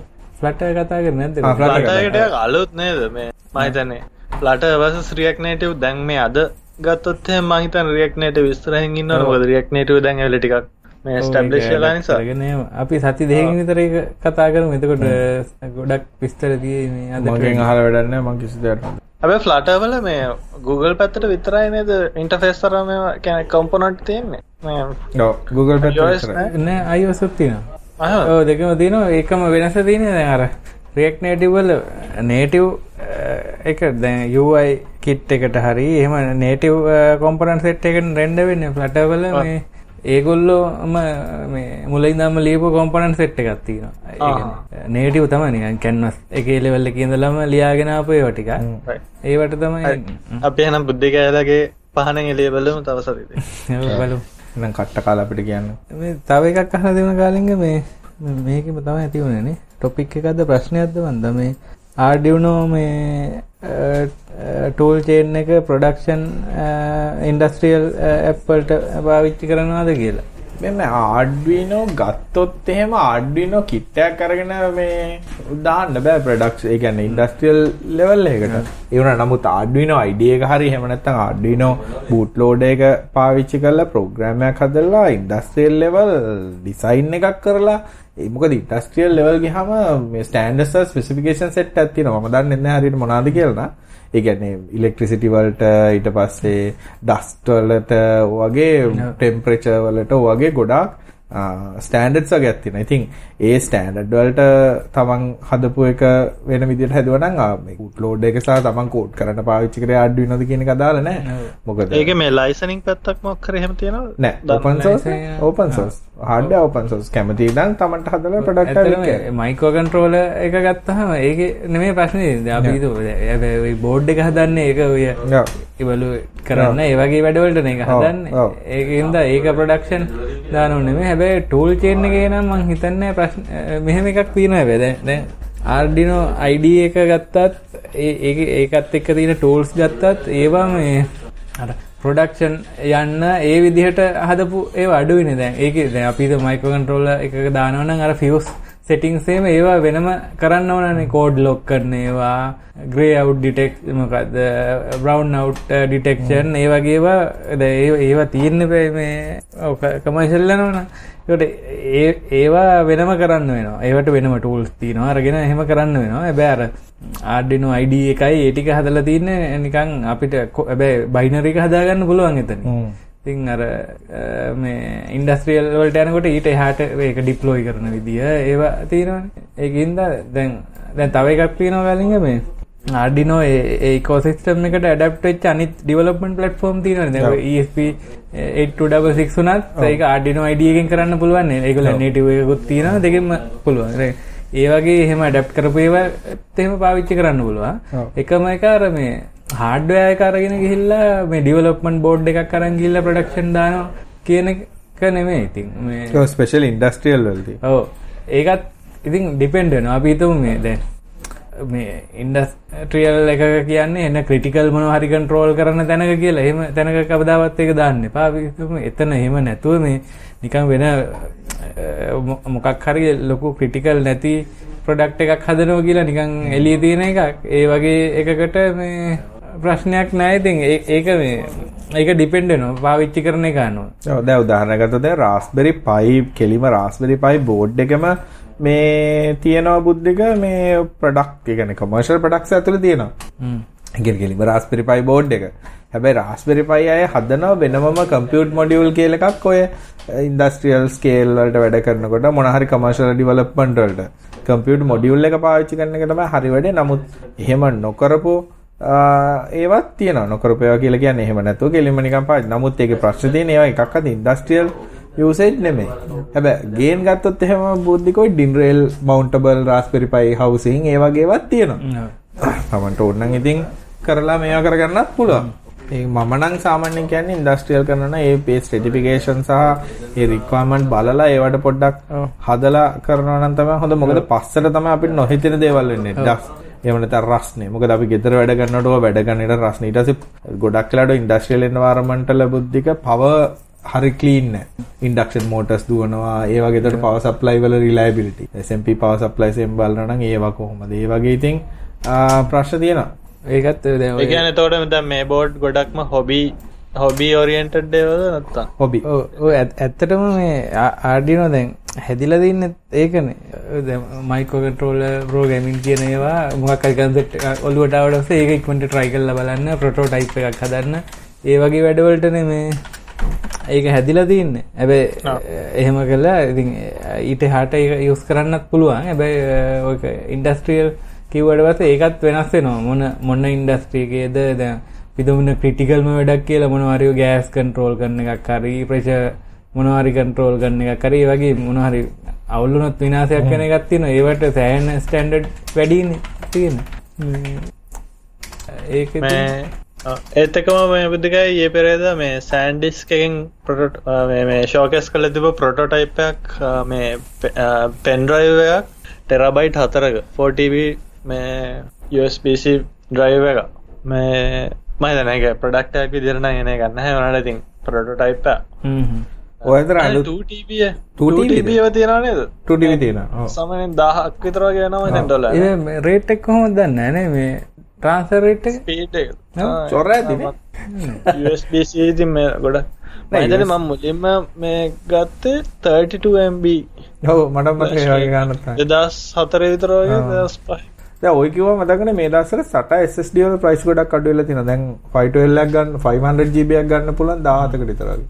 17ක් නේ. දැන් 21ක් 21ක් 21ක විතර වගේ. Samsung uh, Evo 8 860 එකක් වගේ එකක්. 21000කට වගේ. 500. ඉතින් හොඳයිනේ. දැන් මොකද SATA die out නේ දැන් M- M- M.2 එන හින්දා SATA මම හිතන්නේ face out කරන අඩුවට දීලා දාන්න ඇති. ඉතින් SATA කම්පියුටර් එකක් තියෙනවා නම් කට්ටිය ටෝක් දෙනවා ඔකට ආ CPU එකක් දාලා RAM මෙච්චරක් වැඩි කරා කියන එක පොඩ්ඩක් ඒ ටෝක් ටික පැත්තෙන් තියලා SSD එකක් දාගත්තා නම් ආයි අවුරුදු 5කට කම්පියුටර් ඇති.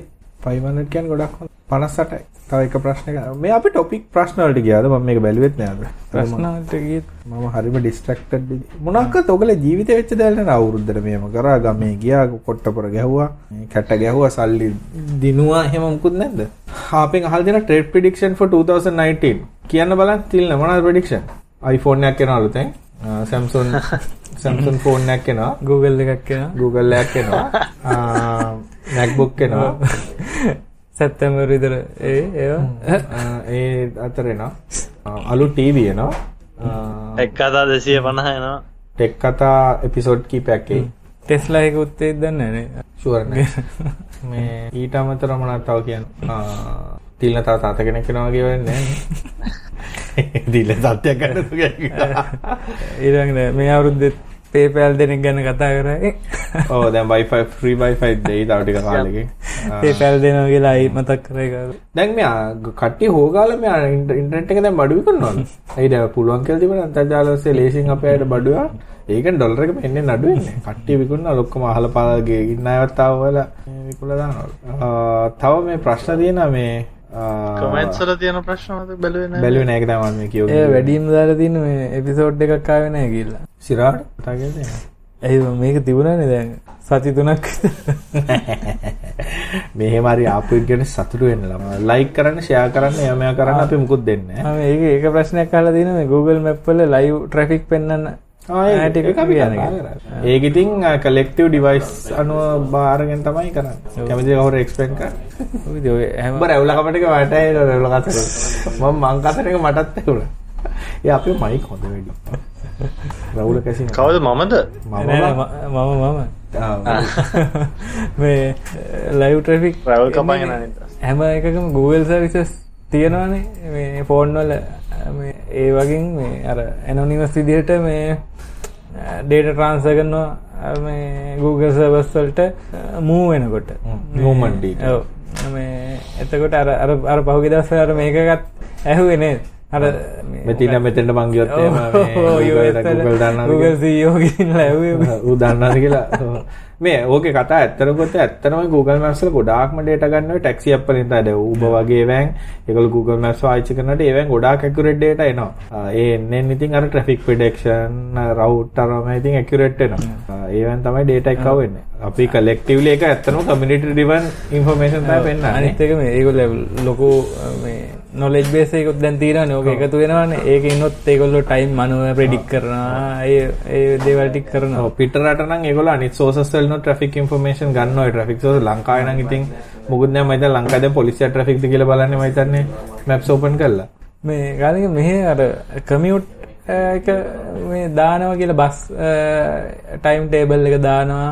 එහෙම කියලා එකක් මේ ගිය අවුරුද්දේ කතා වුණා. අන්තිම හරි. හැබැයි ගිය අවුරුද්දේ අන්තිමේ දානවා කියලා තමයි තාම ආරංචියක් නැහැ ඒක ඔබ දැන් හිතනවා දානවා කියලා. පොඩ්ඩක් නේ මේවයි ඉතින් බස් දැම්මොත් නම් මෙහෙම ඔහුගේ ප්‍රශ්න තියෙනවා බුද්ධික බස් පිළිමද. ආ, දැන් උදාහරණයකට ටයිම් ටේබල් එකක් දැම්මා කියලා මම බස් එක යන්නේ නැහැ. ඒකට හේතුව තමයි බස් එක යන්න බැරි තරමට සෙනග ඉන්නවනේ. දැන් උදාහරණයක් ගත්තොත්. හැබැයි ඒක ඒක මේ කෙටි එකන ටවුන් එක ඇතුලේ නන්නේ එකන් දුරගමන් වලට නම් ඉතින් ටයිම් ටේබල් එක බලපාන්න පුළුවන්. ඔව් නෑ මං කියන්නේ නිකන් සිටි අතරේ දුවන්නේ දැන් උදාහරණයක් ගත්තොත් උඹ කවදාකවත් දැකලා තියෙනවා අපේ නාවල ඉඳන් බස් එකක් යනවා කවදාද? ගීතය දැකලා. ඉතින් අර බස් වල ක්වොලිටි එක වැඩි කරන්නේ නැතුව තේරුමක් නැහැ නේද? ඒ කියන්නේ ට්‍රාන්ස්පෝර්ටේෂන් වල මම නම් කියන්නේ ලංකාවට මුලින්ම කරන්න ඕනේ මේ ට්‍රේන් සර්විස් එක හවසට විතරක් හරි වැඩි කරන්න පුළුවන් නම් සහ සුද්දා දාපු ටිකට වඩා වැඩිපුර දාන්න පුළුවන් නම් මොනෝරේල් එහෙම එනවා කිව්ව නේද? කමිෂන් එක මදි වෙලාද ඒක? මොන මොන හරි තිබුණානේ අර ඒක ග්‍රාන්ට් එකක් කැන්සල් කරාහම කතා මේ ළඟදිත් ආපහු කතාවක් ආව මොකක් හරි? මොකද ඔය රාජගිරිය බත්තර මුල්ල ඒ ඒරියාවකට ඇත්තට මොනෝරේල් එකක් හරි ට්‍රේන් එකක් හරි ආවන ගොඩාක් ප්‍රශ්න ඉස්සරනවනේ දාන්නත් පුළුවන් නේ දියතෝනේ අරවා ඒ මං මන් දෙන්නේ අපි මේ දේශපාලනය ගැන කතා කරන්නේ නැහැ කියලා කියලා ඉතින් ඒක නිසා තව අන්තිම ප්‍රශ්නේ කතා කරලා අපි යමු. කවද්ද අලුත් අවුරුද්දට එපිසෝඩ් එකක් කරන්නේ? ජනවාරි 9 වෙනිදා ප්‍රශ්නයක්නේ ලංකා ආතනවල රෝසි අන්න මේකත් කතා කරලා ඉමුකෝ බලත් දැන් ආයතනවල ඉන්නේ 50ක් 40ක් 50ක් ඉන්න එකට භාවිතා කරන්න බලා IT පොලිසියක් ගැන කතා කරන්න. ලේසියෙන් පොලිසියට උඹලා ඕන එකක් කරගනින් කියලා ලියලා තියෙන එක. මෙහෙම ඉතින් පොලිසිය දානකොට අපි නම් සාමාන්‍ය පොලිසි දාන්නේ හැසිරෙන විදියට. මොන හරි කරොත් ඒක කපනවා. මේවා කරොත් ඒක වහ. රියැක්ටිව් පොලිසි තියෙනවා. Reactive policy dynamic policy. නෑ රියැක්ට් එකක් නේ මොන හරි කරපු දෙක ඉන්ටරැක්ටිව් පොලිසි. ඩේටා වැඩියෙන් පාවිච්චි කරනවා නම් Facebook නැන්නේ ඒක වහන. ඌ වැඩ කරන්නේ නැතුව Facebook ඉන්නවා වගේ පේනත් උට Facebook. ඒ වගේ පොලිසි වෙන්නත් පුළුවන්. තැනේ හැටියට තැනේ හැටියට ඇනේ ගහන පොලිසි වෙන්නත් පුළුවන්. නෑ මම නම් දකින්නේ මේ ඔය පොලිසි එකක් කියලා කියන්නේ ඇත්තටම ඔය වගේ දේවල් නෙමෙයි ඇත්තටම. දැන් ස්ටෑන්ඩඩයිසේෂන් කරන්න පුළුවන් ඕගනයිසේෂන් එකක් ඇතුලේ. ස්ටෑන්ඩඩයිසේෂන් කියන්නේ අපි පාවිච්චි කරන්නේ මේ ඇප්ලිකේෂන්. ඊට පස්සේ අපි පාවිච්චි කරන්නේ software version මේ ටික. අපි පාවිච්චි කරන OS මේ ටික. අපි ඊට පස්සේ hardware පාවිච්චි කරන්නේ මේවා. printers පාවිච්චි කරන්නේ මේවා. ආ, ඊට පස්සේ antivirus app පාවිච්චි කරනවා නම් මොකක් හරි පූර්ව කර්මයක් තිබිලා මේක. ආ, ඊට පස්සේ අපි බැකප් ගන්න මේ විදිහට. බැකප් කරන්න මෙතෙන්ට. ඌවගේ පොලිසිස් තියාගත්තාම ලේසි. එතකොට අ, මං හිතන්නේ ආයතනවල නැතිම එක තමයි අ, මේ නෙට්වර්ක් පෝට් එක තියෙන්නේ මෙතන බිත්තිය මෙතන තැන. එතකොට ඒ නෙට්වර්ක් එකට කනෙක්ට් වෙලා ඉන්නේ මේ නෙට්වර්ක් ඩයග්‍රෑම්. එතකොට IP assignment, IP assignment DSCP නම් තියෙන ඒවා ස්ටැටික් කරලා assign කරලා තියෙන. ඊට පස්සේ කට්ටියට ඇඩ්මින් දෙනවද නැද්ද? කම්පියුටර් එකක් ඉන්ස්ටෝල් කරාම මොනවාද මුලින්ම දාලා දෙන ඇප්ලිකේෂන් ටික. අ, ඒ මොනවාද ඒ ඇප්ලිකේෂන්. ඊට පස්සේ කට්ටියට හිතන හිතන දේවල් දාලා ඒගොල්ලන්ට හිතන හිතන දේවල් කරන්න දෙනවා නැත්නම් කම්පැනි පොලිසියක් හැටියට එක එක දේවල් කරන්න දෙන ටූල්ස් මොනවාද? එහෙම මොනවා විදිහෙන් අර ඇඩ්මිනිස්ට්‍රේටිව් පැත්තේ ලේසි. මොකද ප්‍රශ්නයක් ආවොත් දන්නවා මේකේ ප්‍රශ්නයක් කියලා හැමෝටම එක්කම ප්‍රශ්නයක්. ඊට පස්සේ deployment images දැන් ඔය දැන් අපි කතා කරා development වලදී docker වලදී මෙහෙම images හදාගෙන ඉන්න පුළුවන් කියලා. දැන් company වලත් පුළුවන් මැෂින් වල ඒ බේස් image එකක් හදාගෙන OS එක දාලා patch ටික දාලා application ටික දාලා මැෂින් එක මාක් කරනොත් format කරලා ඔය ටික install කරන්න එකපාරෙන් මේ image එක ඇතරියාම ඒක වැටෙන. ඊට පස්සේ machine වල naming කරන්නේ. කොහොමද name කරන්නේ? ඊට පස්සේ share policies කොහොමද folder share කරන්නේ? ඊළඟට තමන්ගේ ඩිවයිස් ගෙනවුත් කොහොමද ඒක ඇක්සස් කොහොමද ෆෝන් වලට කොහොමද කරන්නේ කොහොම නෙට්වර්ක් වලටද දෙන්නේ? ලැප්ටොප් තියෙනවා නම් ඒව නැති වුණොත් ඒවා මොනවාද කරන්නේ? ඒවා backups කොහොමද? boss අපේ නම් පොඩි මේ USB කොන්ඩම් ඇත් තියෙන දාන්න. ඔව්. මේ YubiKey එකක් නේ. නෑ අර මේ ගැන ෆෝන් එක එහෙම ගහනවා නම් charge කරන්න. USB පොඩි කෑල්ලක් තියෙන එක හරහා ඔව්. ඊට පස්සේ දැන් උදාහරණයක් ගත්තොත් එම් බොස් ඇවිල්ලා කිව්වොත් මේ මොනවාද මම මේ දාලා දෙන පාස්වර්ඩ් එක මට තේරෙන්නේ නැහැ. ඕක දාපන් මගේ නම 1 2 3 කියලා. එතකොට කොහොමද බොස්ට බෑ කියන්න පුළුවන් වෙන පොලිසියස් බෑ නිසා මේ පොලිසිය මෙතන ලියලා තිනවා කම්පැනි පාස්වර්ඩ් දානවා නම් කම්ප්ලෙක්ස් ලෙටර් එකයි. මොකක්ද අර BOC එකේ තිබ්බනේ එහෙම 아무තු පාස්වර්ඩ් දාන පොලිසිය එක අර එන ලිස්ට් එකක් කවුරු ෂෙයා කරලා තියෙන්නේ Facebook. ඒක එහෙම පොලිසියක් හදාගන්න පුළුවන්.